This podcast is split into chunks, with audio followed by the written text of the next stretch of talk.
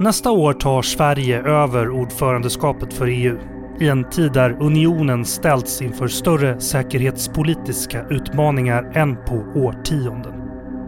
Utöver det uppenbara hotet som kriget i Ukraina utgör så har hela det östliga partnerskapet satts i ett nytt perspektiv.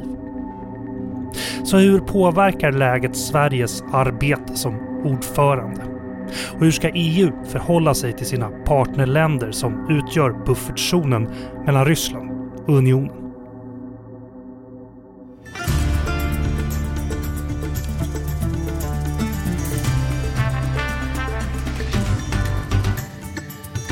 Du lyssnar på Utrikespolitiska institutets podd Utblick. Jag heter Jonas Lövenberg. I det här avsnittet ska vi som sagt försöka förstå oss på hur kriget i Ukraina påverkar de länder som ingår i det östliga partnerskapet. Det vill säga de länder som ligger mellan EU och Ryssland. Vi ska även kika på hur detta påverkar Sveriges ordförandeskap i EU och hur EUs stöd till Ukraina sett ut. För att hjälpa mig och er att förstå det här bättre har jag med mig Kalle Håkansson, associerad medarbetare vid UIs Europaprogram och doktorand i global politik vid Malmö universitet. Välkommen Kalle! Tack så mycket! Och även Hugo von Essen, analytiker vid Centrum för Östeuropastudier som med sin engelska akronym eh, kallas för SEVS. Det gillar ni ju. Välkommen Hugo! Tack så mycket! Känner du mycket för SEVS-förkortningen eller är det chefen mest? Det, jag hade inte eh, tagit den akronymen Nej. om jag, det var jag som fick bestämma. Just det. Som vanligt i Utblick så ska vi börja med att reda ut några nödvändiga begrepp och försöka skapa kontext till dagens ämne. Vi börjar då med vad är det östliga partnerskapet? Jag har sett siffror på att mindre än 5% av medborgarna i de länder som ingår i partnerskapet känner till vad det är och att det är mindre än 1 av EUs medborgare som gör det. Jag vet inte hur tillförlitliga de här siffrorna är men det är väl någon fingervisning om vad, eh, hur känt det här är. Så vad är det östliga partnerskapet? Hugo? Det östliga partnerskapet, och det är ett ganska långt ord så jag mm. tänker säga ÖstP som är förkortningen. Ja. Eh, och så kommer jag använda den framöver. Ja, låter jättebra. Och jag kan säga att jag trodde att det hette det östra partnerskapet tills jag pratade med Hugo om det här. Så. Det gör det inte. Nej, nej det gör inte det. eh, nej, men ÖstP då, eh, är en, ett samarbetsformat mellan EU och sex stycken östeuropeiska länder, nämligen Ukraina, Belarus, eh, Moldavien, Georgien, Armenien och Azerbajdzjan. Och det som förenar de här väldigt olika länderna ska man säga är att de är inte med i EU men de vill ha någon typ av relation med EU. Vi kan komma in på det närmare, det är, det är olika ambitioner där. Mm. Och de har alla tillhört eh, Sovjetunionen tidigare. Så det är postsovjetiska länder, alla de här sex. Så det här samarbetsorganet, eller samarbetsformatet ÖstP startade 2009 som ett resultat av polskt-svenskt samarbete och eh, har sedan dess eh, utvecklats på lite olika sätt. Men, men det som det handlar om i grunden är att förbättra relationen och samarbetet mellan EU och de här sex länderna Så att det här ska eh, gynna både länderna i sig, det ska gynna deras ekonomiska utveckling, deras politiska utveckling, demokratiska utveckling, men det ska också gynna EU. Så det, det, ska vara ett ömsesidigt gynnsamt eh, samarbete.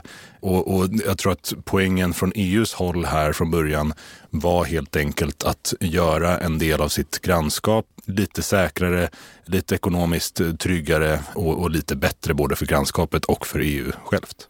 Just det, och, och sen hur, hur aktiv är den här, eh, det här samarbetet nu då? Är det så viktigt att man tillhör det eller har det förändrats på något vis?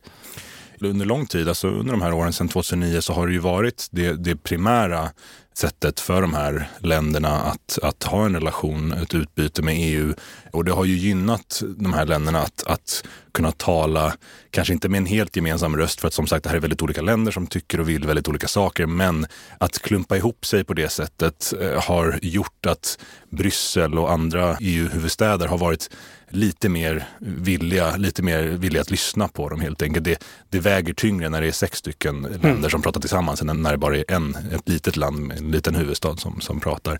Så att det här har varit den, den, den primära samarbetsformatet för de här länderna med EU. Men, men det kommer nog att eh, förändras, det, det har redan börjat förändras och det kommer nog att förändras ännu mer. Vi kan prata mer om det sen. Ja, Kalle, vad säger vi? Du lägga till något här? Det man kan lägga till är att det också tillhör övergripande EUs grannskapspolitik. Också de länderna som ligger söder om unionen eh, som också tillhör en annan slags medelhavsunion mm. där man pratar om det. Och Just som Hugo sa så handlar grannskapspolitiken mycket om att liksom stabilisera EUs närområde, förbättra liksom både demokratiska och ekonomiska förutsättningar i de här länderna. Men också på sikt att försöka integrera dem i liksom EUs inre marknad så att man ser det här liksom ömsesidiga beroendet av stabilitet och ekonomiskt liksom välstånd i, i EUs eh, närområde. Just det, okay. och vad, vi förstår här att det inte är ett, ett medlemskap i EU, men vad är de största skillnaderna från ett medlemskap i EU? Ja, men till syvende och sist så är det en ganska stor skillnad ändå skulle jag ja. säga. Att även om just tanken är att man ska bli mer integrerad och att man ska få mer liksom samgående med de här länderna så, så är det ju ändå en stor skillnad med att vara medlem och inte vara medlem. Eftersom medlemskap kommer ju ändå med ett gäng både rättigheter men också liksom krav och skyldigheter på det här sättet. Och att för att bli medlem i EU så måste man uppnå vissa liksom administrativa, politiska och ekonomiska liksom nivåer. Och de här är ganska höga liksom, nivåer att klara av. Så att de här länderna är ju mer integrerade tack vare sitt partnerskap. Men de är fortfarande inte på samma nivå som det skulle vara att vara fullvärdig medlem av unionen. Men lever de inte upp till vissa krav då? Vad, vad skulle det vara för, kan du ge något exempel bara? Ja, men dels ur rent demokratiskt, eh, mm. korruptionsnivåer till exempelvis, men även liksom ekonomiska standarder, mm. hur marknadsekonomin i de här länderna fungerar till exempelvis, eller inte fungerar. Eh, okay. Vissa. Just det, okej, okay, men vad, vad, har man, vad har man fått, vad man, kan man se något resultat av det här partnerskapet? Vad finns det för kritik då kanske mot partnerskapet? Hugo, vad säger du? Ja, alltså partnerskapet har ju uppnått många saker men det har också inte uppnått många saker. Så att, att man kan ju börja med vad, vad har man lyckats med? Ja. Det, det, primära där, det som, det som man alltid brukar nämna först vad gäller eh, liksom, framgångarna med, med Öst-P är de tre associeringsavtalen som EU har slutit med Ukraina, Moldavien och Georgien som man slöt där runt 2014 och, och som har gjort att de här tre länderna har anammat väldigt mycket EU-rättslig lagstiftning och har så att säga gjort sina länders lagsystem mer lika EU, vilket i sin tur har möjliggjort för större ekonomiskt utbyte mellan EU och de här tre länderna, då de här tre, man brukar säga frontrunners, det vill säga, mm, mm. Eh, eller det är det man har sagt tidigare, de tre öst-B-länder som har kommit längst i sina relationer med EU. Så det är en sak, det här associeringsavtalet man har med dem där. En annan sak är att man också med de här länderna har lyckats med, liberalisera visaregimen, det vill säga att det är nu mycket lättare för de här ländernas medborgare att, att röra sig i EU. Så det, det är två så tydliga, eh, tydliga eh, framgångar. Men sen kan man också prata om, om, om motgångar också, eller vad, vad ÖSP inte har lyckats med. Och, och, det gäller ju till exempel då Belarus. Läget i Belarus är, är eh, inte bättre nu än, än vad det varit tidigare. Där, där har inte EU lyckats med någonting. Vi har också Armenien och Azerbajdzjan som också är med i ÖstB, men där EUs relationer förvisso delvis har förbättrats, men ganska marginellt och de här länderna är fortfarande mycket närmare andra länder. Eh, till exempel Azerbajdzjan, eh, Azerbajdzjans närmsta allierade är Turkiet. Armenien har fortfarande starka band till, eh, till Ryssland och sådär. Och sen kan man ju också prata om att Öst-P från början inte var tänkt som ett geopolitiskt projekt. Alltså, EU var väldigt tydliga i början med att det här ska inte vara ett sätt att hota Ryssland på något sätt. Det ska liksom inte, eh, sen, sen, sen, kan man prata om huruvida Ryssland uppfattar det här som ett hot eller inte. Eh, det är en annan fråga. Men, men eh, det anser många vara ett misslyckande att EU inte har försökt så att säga flytta fram sina strategiska positioner i de här länderna. Att, att, man, att man var så modest i sin målsättning mm. redan från början. En annan sak man kan nämna är att precis som Kalle sa nyss så har ju de här länderna väldigt mycket problem med rättsstatens principer, med korruption, med bristande demokratiska förutsättningar som har lite förbättrats i vissa av länderna men som fortfarande är i väldigt dåligt läge för många av dem och som EU inte har lyckats, eh, ro, ro, ja, inte lyckats förbättra. Så det finns vissa framgångar men, men många, många motgångar så att säga. Och frågar, frågar man länderna själva, det är inte många i länderna som tycker om det här östliga partnerskapet eller som pratar gott om det. Alla tycker att det här är liksom, eh, jag vet inte, ett EUs påhitt, EUs sätt att försöka tvinga in de här mm, mm. länderna i samma kategori.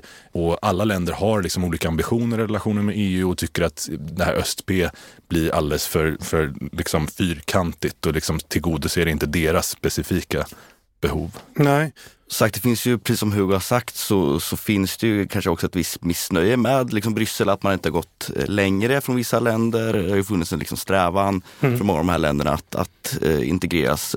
Kanske framförallt de här tre liksom frontrunners med Ukraina, Moldavien och Georgien har ju haft en liksom tydlig strävan att, att vilja vilja integreras allt mer med EU och nu har de ju blivit kandidatländer, eller Georgien är snart på väg att bli kandidatland när de uppnår vissa ytterligare krav. Men no någonting som jag tänkt på som Hugo tog upp var just det här liksom geopolitiska dimensionen som, mm. som man märker i liksom Bryssel att, att det har fått lite den här, de här tankarna har liksom dykt upp mer nu och har ju aktualiserats med kriget såklart. Och att ja. man ser ju hur hur ett sånt här partnerskap också handlar om man ska vara krass om att säkra inflytande på ett sätt och liksom att vara, vara med och kunna agera i det närområdet. Och vi måste ju ta i beaktning att, att andra aktörer, sagt Ryssland såklart, men även Kina agerar i, i liksom länder i, i EUs närområde. Inte bara i östra partnerskapet utan också västra Balkan eller andra länder runt om liksom Europas gränser. Så det är ju så helt klart en, en dimension i det hela. Men vad finns det för förhoppningar att de faktiskt blir medlemmar de här i EU fullvärdiga medlemmar? Som sagt, det, det, är ju en uh, ganska lång väg kvar tror jag mm. för, för många av de här. De har fortfarande sagt stora brister i allt från liksom, marknadsekonomi till kanske framförallt liksom, demokratiska aspekter. Samtidigt så kan man ju säga att, att kriget har ju liksom dels fått igång medlemskapsdiskussionerna mm. uh, på en helt ny nivå igen. Också liksom en mer moralisk dimension har kommit in skulle jag säga i, i de här aspekterna med att ja, vi ser Ukrainas starka strävan om att bli medlem i unionen och det har ju såklart fått ett liksom moralisk innebörd för mm. EUs medlemsstater att, att vilja hjälpa och liksom se till att Ukraina så småningom kan bli medlem av unionen. Men vill vi ha en lång gräns mot, vi, vill EU ha en lång gräns mot Ryssland då? Eller vill man ha den här bufferten som ju ändå de här länderna på något vis jag tror att, bygger? Jag tror att många inom EU alltid liksom lite eh, försiktiga med att liksom kalla det här buffer liksom länder på okay. det här sättet. Ja. Eh, men... Är det inte det då? Och, och, ja, vissa skulle nog kunna säga det, ja. men samtidigt så har vi redan en lång gräns mot, mot Ryssland, den fin, finländska gränsen, de baltiska staterna. Så att, såklart, det, de dimensionerna finns också, men jag tror att den, liksom, den strävan kring, kring Ukraina och flera av de ländernas eh, medlemskapsförhoppningar tror jag ändå är någonting man tydligt vill liksom stödja nu. Okay, ja, jag, jag kan lägga till där att, ja. att som, som, precis på samma tema som, som Kalle pratade om, att eh, jag upplever att diskussionen mer och mer eh, formas till att ett, ett EU-medlemskap för de här länderna skulle inte bara liksom primärt gynna dem, utan det skulle även vara en stor geopolitisk vinst för EU. Och på så, så har det inte låtit riktigt mm. tidigare. Utan det, tidigare har det varit liksom att vi låter dem bli medlem eh, för deras skull när de är redo. Mm. Eh, och att EUs liksom, eventuella vinster av det här är sekundärt. Nu handlar det mer om att det här är en stor, liksom, taktiskt viktig, eh, viktig grej för, för EU att åstadkomma också.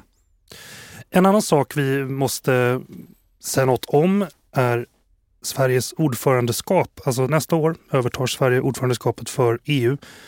Kort bara, vad, vad innebär det, Kalle? Jo, men det är att EUs ordförandeskap roterar varje halvår. Så att eh, exempelvis nu för närvarande är Tjeckien ordförande och sen precis som du sa så tar Sverige över från och med januari och i ett halvår framåt. Och att vara ordförande handlar mycket om att driva EUs liksom agenda framåt. Exempelvis Sverige kommer vara ordförande för eh, över 2000 olika möten som sker i, eh, i Bryssel, i Luxemburg men också här i, i Sverige. Eh, dels i Stockholm men även runt om i hela eh, Sverige faktiskt. Vi kan säga att det här är faktiskt tredje gången Sverige är ordförande nu för EU. Första gången var 2001 och sen så var vi där igen 2009. Även om vi kan också se en ganska stor förändring sedan dess för att Sen förra gången vi var ordförande så har ju Lissabonfördraget trätt i kraft och det ledde till vissa institutionella förändringar i och med att vi fick en det är en eh, ordförande för Europeiska rådet, alltså där stats och regeringscheferna möts. Eh, vi fick även en hög representant för utrikes och säkerhetspolitik. Så att det ledde ju till att ordförandeskapet har inte samma liksom, utrikespolitiska roll längre kan man säga. Okay. Men den har ju fortfarande mycket av, av eh, fortfarande en väldigt viktig roll att driva EUs lagstiftningsförfarande i alla andra politikområden framåt. Kan man säga. Förlåt, och det är ett halvår va? Precis, så ja. att fram till sommaren kommer Sverige vara ordförande. Ja. Och vad ska Sverige driva för, för frågor i sin roll som ordförande?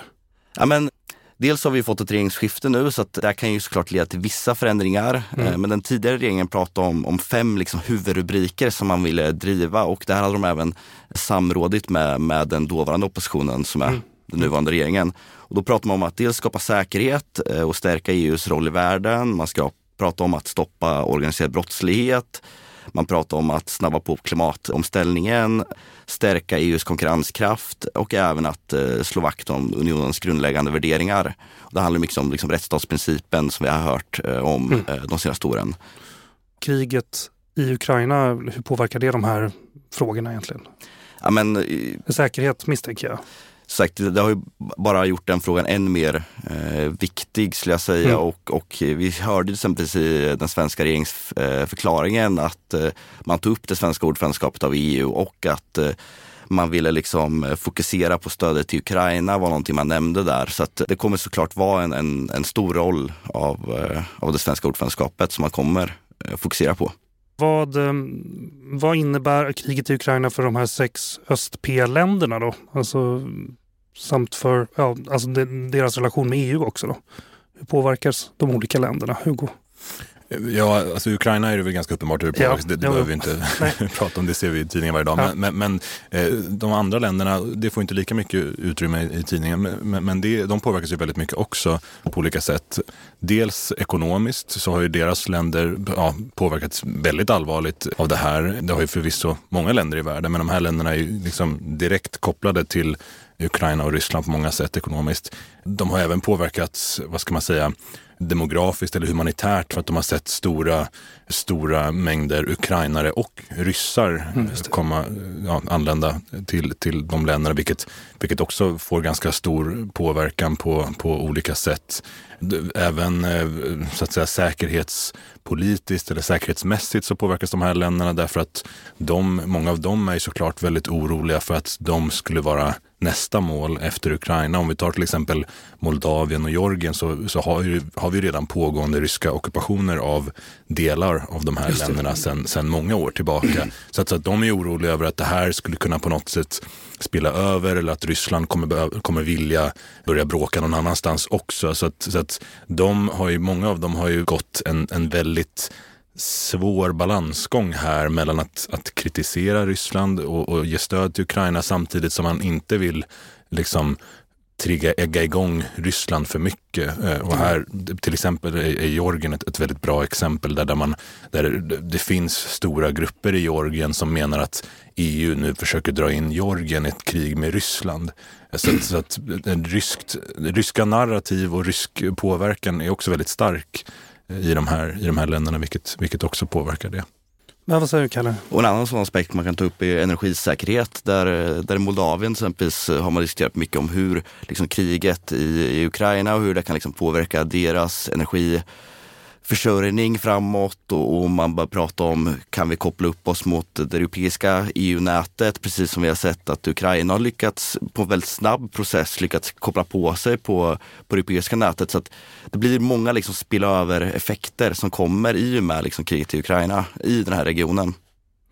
Vad tycker Ryssland om EUs relation med de här länderna då? Ja, de, Ryssland gillar ju såklart inte att, att EU kommer här i i vad Ryssland anser vara sin intressesfär, så att säga, sin bakgård, sitt eh, historiskt, eh, det, det område som historiskt sett enligt Ryssland tillhör Ryssland och med rätta borde styras av Ryssland. Sen har ju Ryssland varit lite olika i sin retorik. Man, man särskiljer till exempel ofta Nato och, och EU. Att Nato är liksom ärkefienden, ärkerivalen för Ryssland.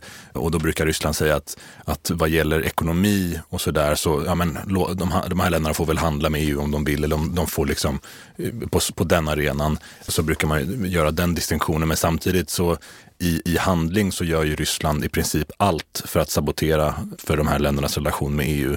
Man, man använder alla sina olika påverkansmedel, all, allt inflytande man har, oavsett om det är ekonomiskt inflytande, till exempel via, via energi som Kalle sa, eller om det är via olika eh, politiska grupperingar som är proryska, eller om det är via oligarker, andra, andra korrupta eh, grupper, via politiker och så vidare, via sina stora ryska mediekanaler som, och mediestationer som är väldigt stora i de här länderna. Så försöker man göra allt för att, för att paja närmandet, närmandet till, till EU. Den här, vi har varit inne på det lite, Kalle, men eh, konflikten i Ukraina, liksom, påverkar den, kan vi säga någonting mer om hur den påverkar Sveriges arbete som ordförande? Då? Ja, men sagt, det blir ju lite av ett eh, liksom, krisordförandeskap. Mm. Att de flesta, de senaste ordförandeskapen har blivit lite att man måste förvänta sig liksom, det oförväntade. Man måste vara beredd på att det kan komma nya stora liksom, skeenden som man måste hantera.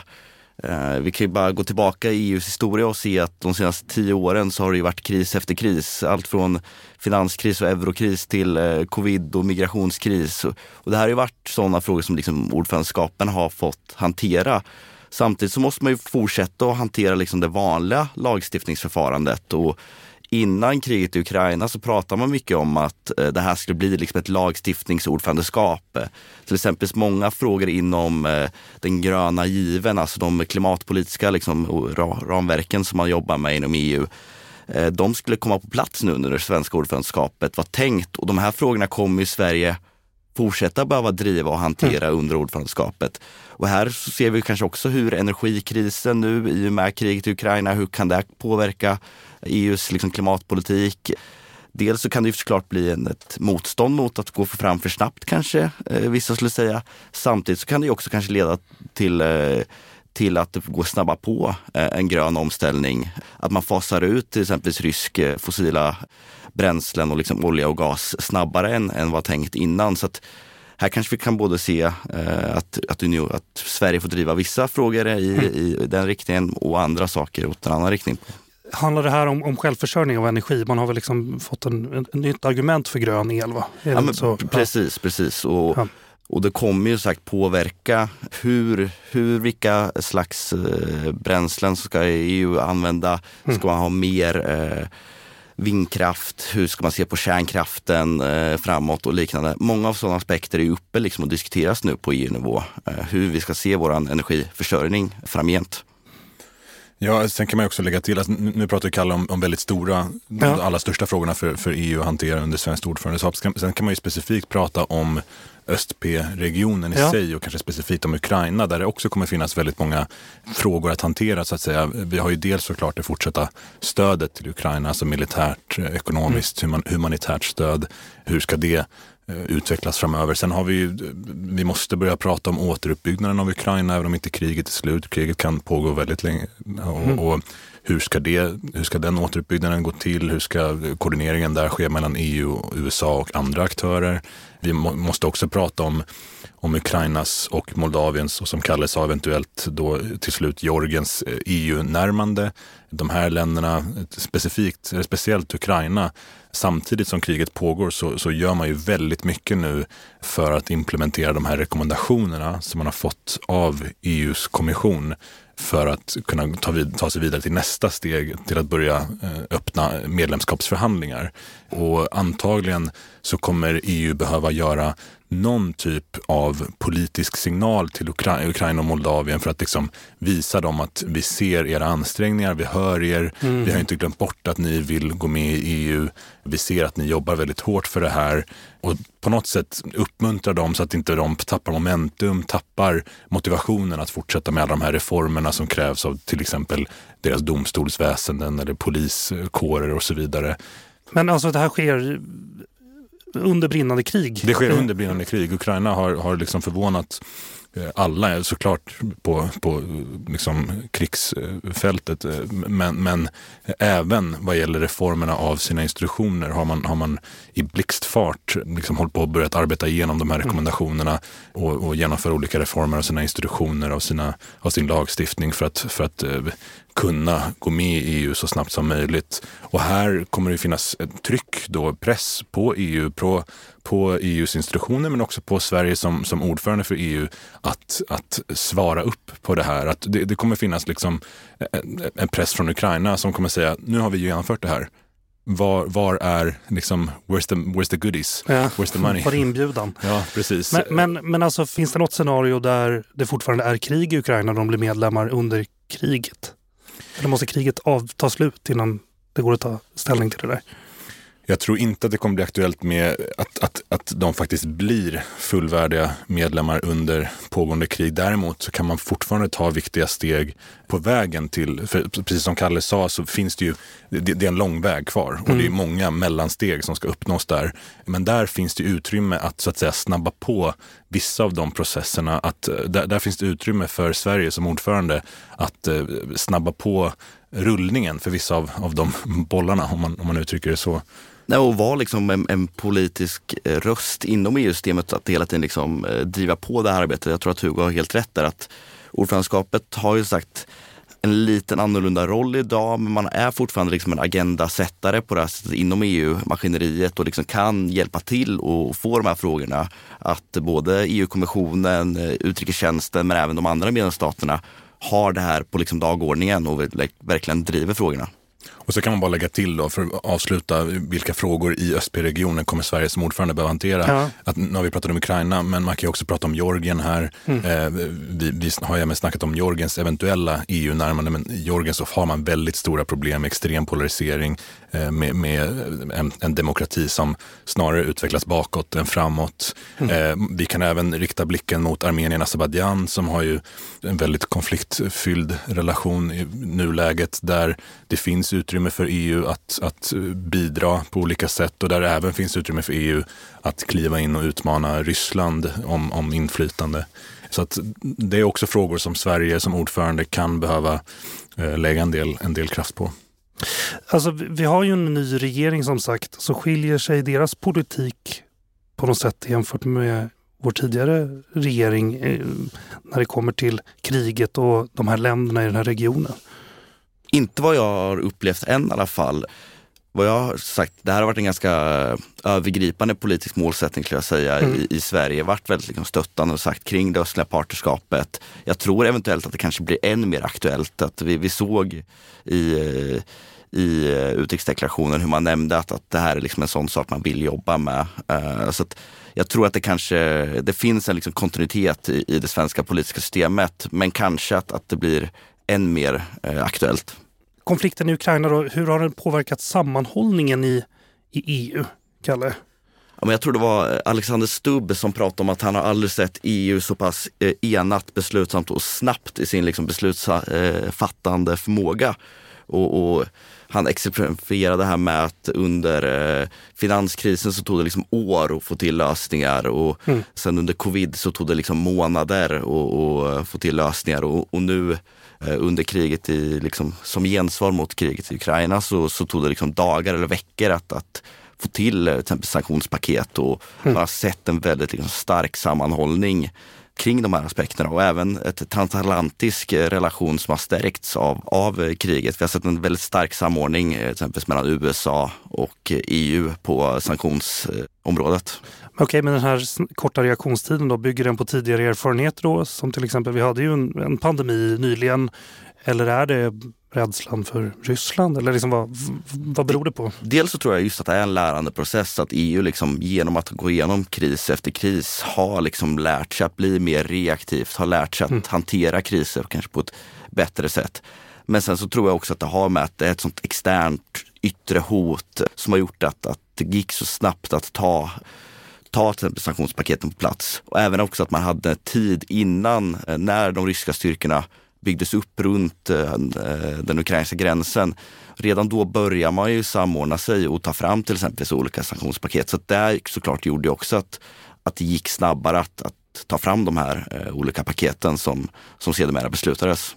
Man kan också lägga till här att, att Ukraina och specifikt Zelensky har ju varit väldigt duktiga på att sätta tryck på, på olika EU-länder och lobbya för mer stöd för Ukraina.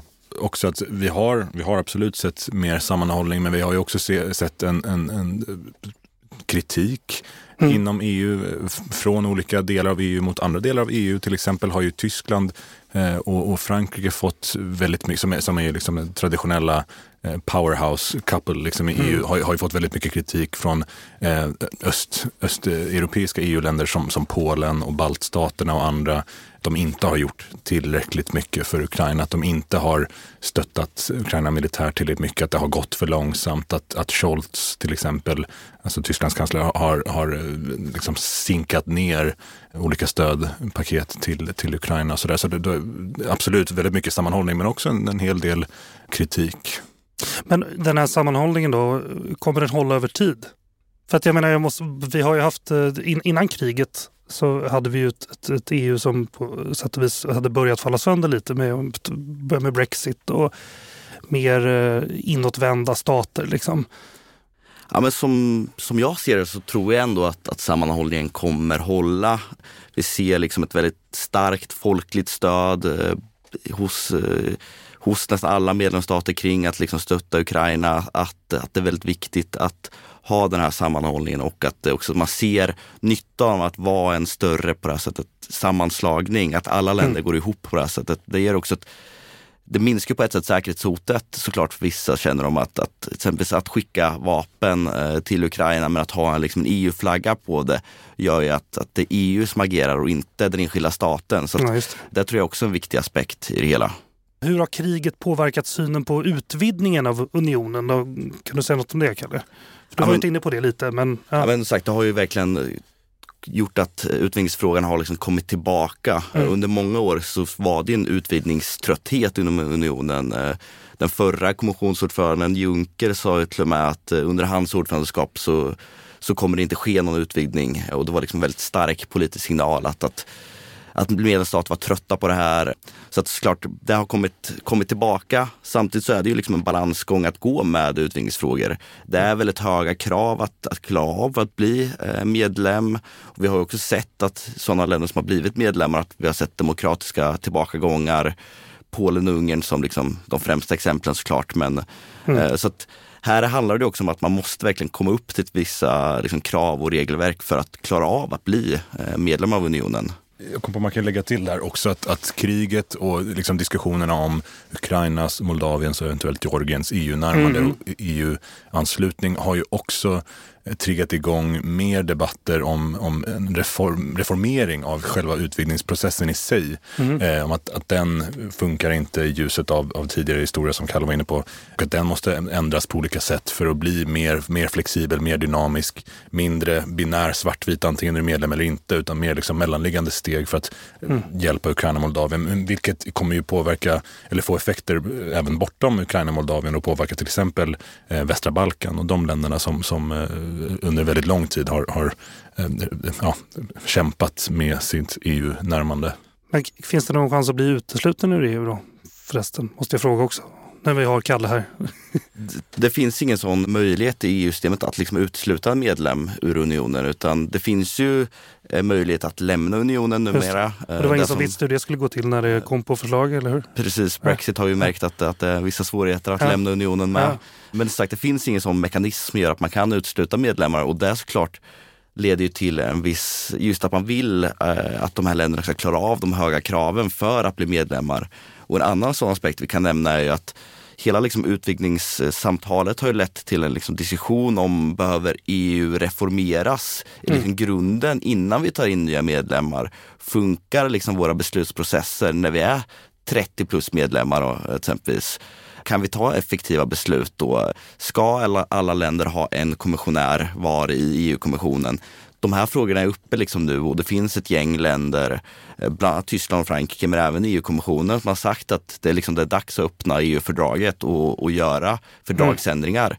Samtidigt så ser många andra länder, däribland Sverige, att som inte alls sugna på att öppna de här eh, förhandlingarna eftersom det är lite en Pandoras ask att eh, för man vet aldrig riktigt vad kommer leda Nej. till när vi förändrar. I så fall, och det är, länder också, det är också länder som vill ha kvar sin vetorätt kan man lägga till, som till exempel Polen och Ungern som, som eh, verkligen inte vill kunna bli överkörda av en, av en majoritet i, i viktiga EU-beslut. Nej, just det. Och skulle man ändra eh, balanser i kommissionärer och sånt där så skulle väl mindre länder förlora makt också? Precis, så, att, så att alla de här aspekterna är ju sånt som som är väldigt känsliga frågor för mm. medlemsstater eftersom de ser risker att förlora inflytande.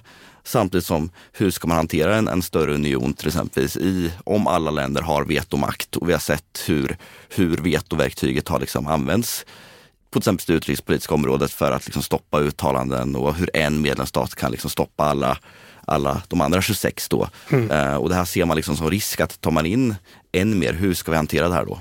Faktafråga, hur många europeiska länder är inte med i EU? 27 av 48, 45 eller något sånt där. Något sånt. Hur har kriget påverkat dynamiken i unionen då?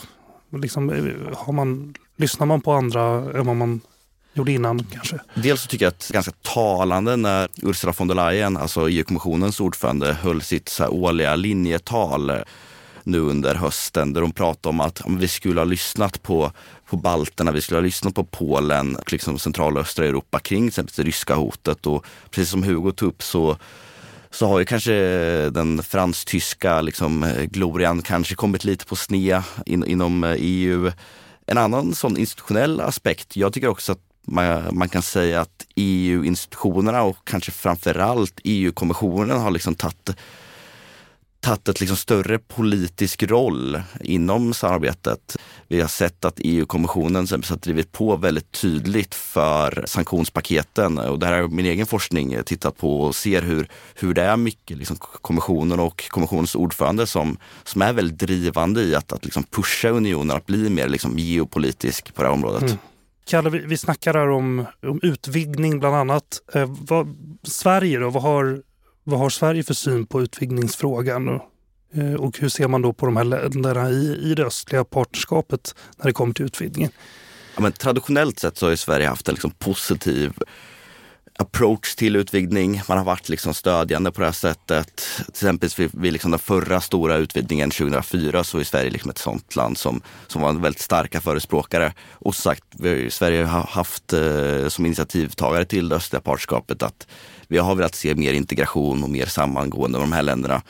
Men jag vill också säga att det har blivit lite mer ljummet intresse från svensk sida okay. också eh, över tid. Så att, eh, precis som hela EU-maskineriet så har vi kanske varit lite mer skeptiska kring utvidgning under de senaste åren.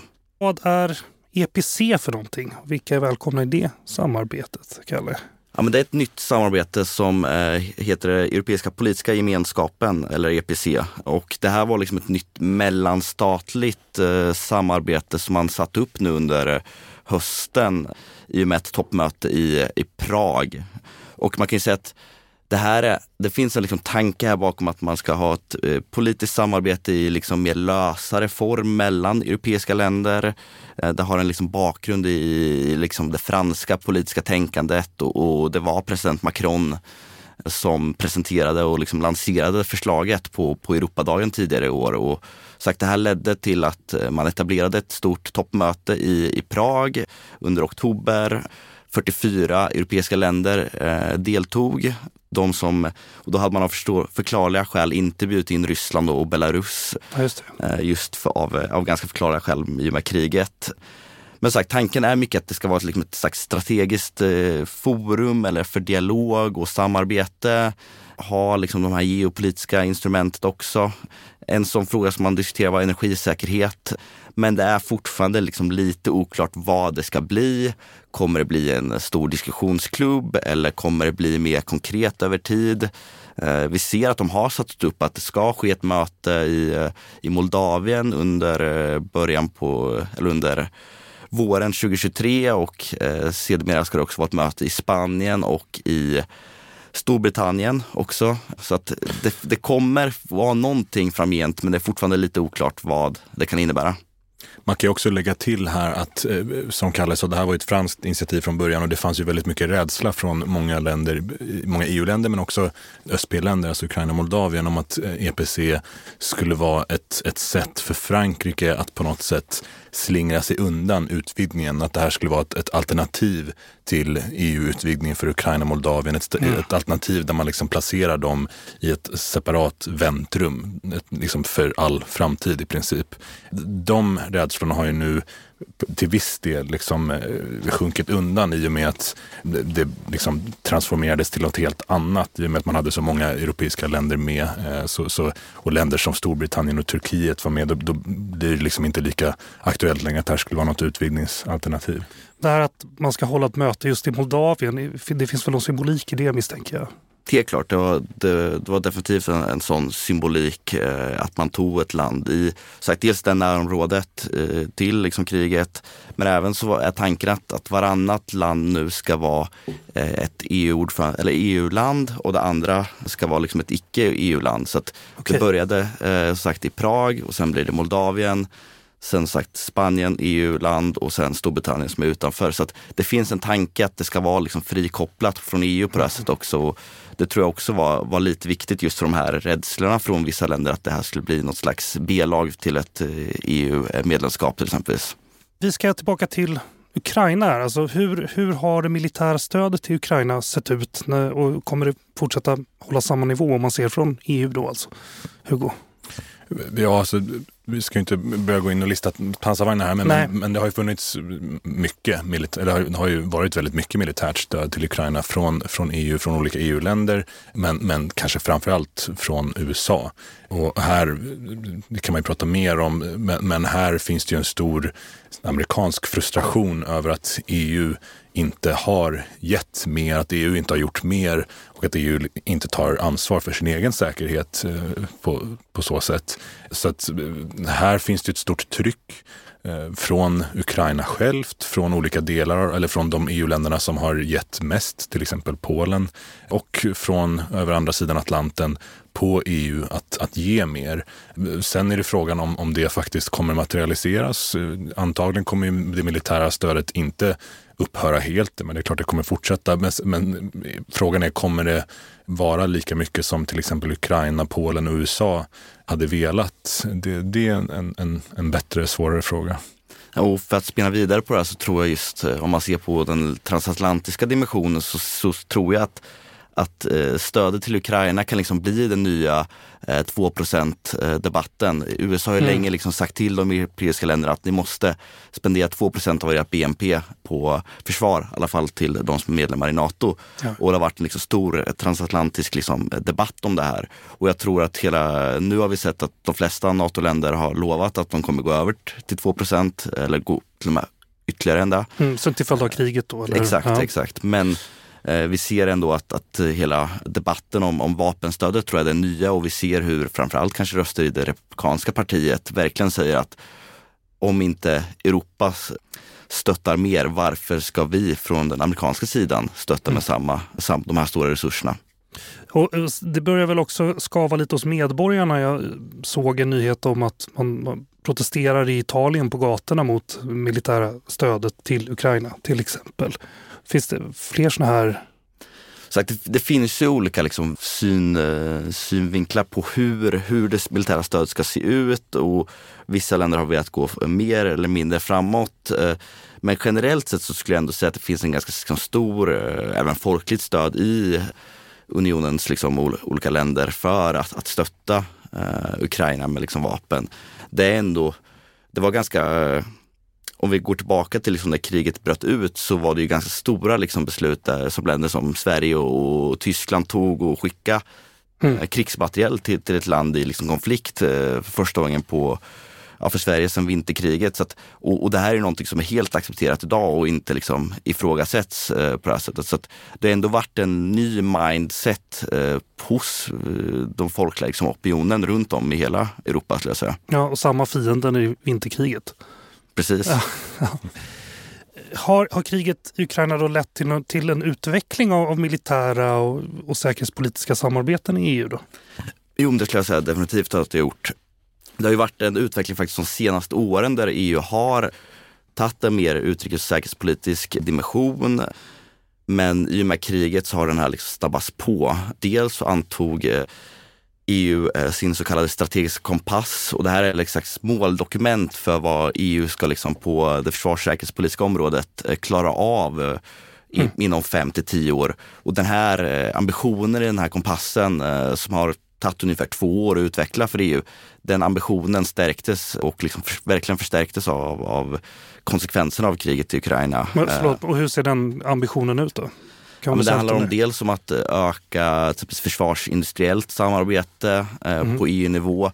Det här är någonting som EU har lanserat med den så kallade försvarsfonden men även andra samarbeten som finns inom EU-ramar. Och det här har liksom stärkt de dimensioner att man vill stötta till exempel europeisk försvarsindustri för att bygga upp och möjliggöra olika liksom vapensystem i Europa och eh, att det ska vara mer samarbete mellan europeiska länder på detta område. Fin, finns det någon europeisk militär styrka då? Det har väl funnits eller? EU har liksom ingen styrka och så utan det, alla, all styrka är liksom de enskilda medlemsstaternas ja. resurser på det här sättet. Och precis som i NATO så har inte NATO en egen styrka utan det är ju Nej. medlemsstaterna som har soldaterna på det här sättet. Men vi ser ju att eh, EU ska till exempel etablera en, en snabbinsatskapacitet eh, mm. Som handlar om att man ska kunna agera i olika liksom, krissituationer runt om i världen. Eh, det här var till exempel en konsekvens faktiskt av eh, mer av, av uttåget från Afghanistan då man märkte att ah, EU har inte kapacitet att agera när USA inte var villiga i, ja, i närområdet. Så det är ofta liksom sådana kriser som leder till att, att en viss utveckling sker. Men, men hur skulle, jag, hur skulle en, så, en sån eh, organisation se ut? Då? Finns det några idéer om det?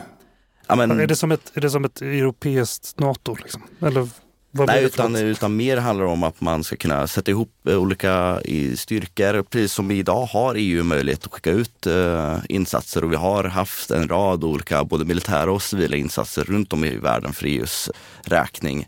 Men man tänker att det här ska eh, förstärkt och det ska ha en liksom snabbare kapacitet att agera, är tanken.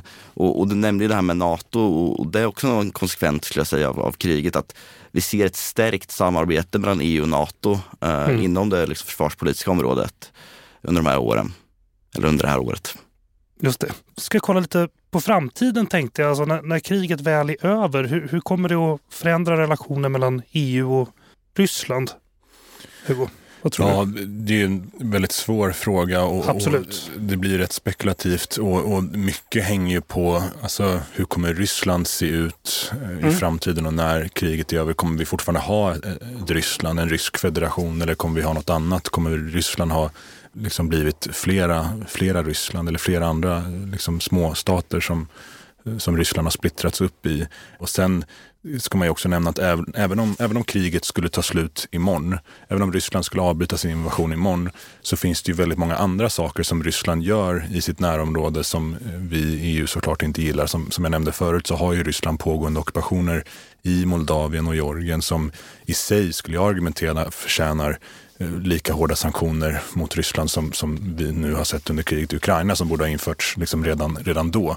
Och, och vi ser ju också hur, hur Ryssland eh, på alla sätt eh, försöker sabotera för, för EU genom eh, olika hybrida metoder som cyberattacker och desinformation och att man, att man mördar ryska medborgare utomlands, ryska dissidenter i, i EU-länder. Mm. Eh, och sen har vi såklart det enorma förtrycket av, av den egna befolkningen. Så även om kriget skulle liksom inte existera så, finns det ju fortfarande väldigt många liksom, stötestenar, väldigt många saker som Ryssland gör som, som skapar spänning mellan EU och Ryssland som gör att eh, EU liksom inte bara kan ha en, en normal, problemfri friktionsfri relation med Ryssland. Så jag tror att, för att svara på din fråga, så tror jag att EU och Ryssland kommer ha en väldigt problematisk, väldigt spänd relation även, även, efter, även, även, efter ett potentiellt krigsslut.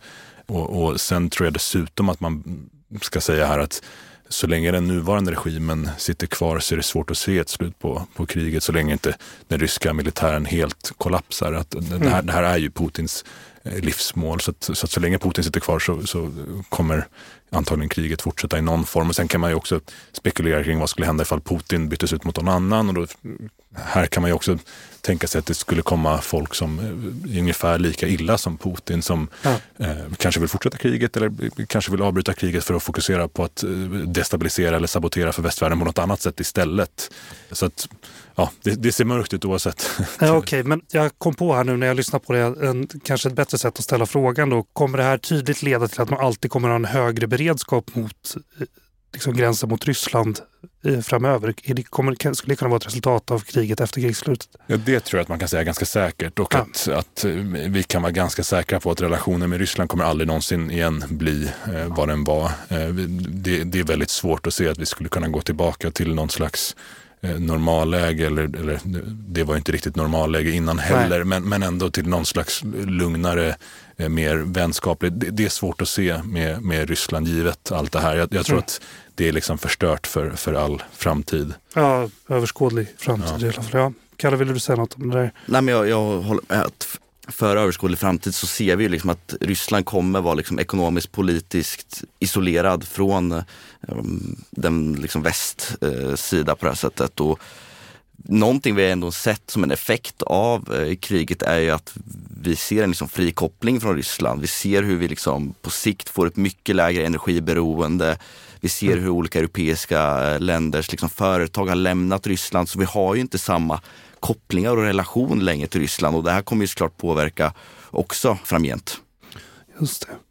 Avslutningsvis då, hur länge till kommer EU orka och vilja stödja Ukraina i sitt motstånd mot Ryssland? Jag har ju varit inne på det lite. Går det att få någon prognos? Kalle? Jag tror ändå att det finns en, en liksom stark vilja. Sagt, eh, om vi kollar på det folkliga stödet så tycker jag att det, det, ser ut att finnas ett starkt stöd. Sen vet vi aldrig vad, vad kan en kall vinter med energikris eh, leda till till exempelvis. Mm. Men som det ser ut just nu så skulle jag ändå säga att det finns en stark vilja på både politisk och liksom folklig nivå hos de olika EU-länderna. Men här kan man lägga till att det är såklart att det finns, alltså det finns ju orosmoment. Det finns ju, man kan ju tänka sig olika saker som skulle kunna hända som skulle påverka det negativt. Som någon slags ny högerpopulistisk våg över, över europeiska eh, regeringar. Alternativt en, en, en ny Trump i USA 2024 mm. som, som gör att USA inte alls är lika villigt att stödja Ukraina eller samarbeta med EU eller bli, bli mycket mer konfliktsökande vad gäller relationen över Atlanten. Alternativt att, som Kalle pratade om förut, så har det ju varit kris på kris på kris. Eh, om det skulle komma en ytterligare en, en kris eh, nu som skulle kräva väldigt mycket resurser från EU, det, det kan vara vad som helst, men, men så att det skulle komma ytterligare en ny kris nu som, som blir så att säga ännu mer akut och, och som påverkar EUs eh, liksom, egna befolkningar ännu mer direkt än vad, vad kriget i Ukraina har gjort så kan man ju tänka sig att det också skulle påverka stödet. Kalle Håkansson, associerad medarbetare vid UIs Europaprogram och doktorand i global politik vid Malmö universitet. Hugo von Essen, analytiker vid Centrum för Östeuropastudier. Tack för att ni kom. Tack. Tack så mycket. Nu har du lyssnat på Utrikespolitiska institutets podd Utblick. Glöm inte att trycka på prenumerera-knappen i appen där du lyssnar på oss. Vår vignett är komponerad av Friden Frid. I kontrollrummet sitter idag Kyle Rosén. Jag heter Jonas Lövenberg. På återhörande.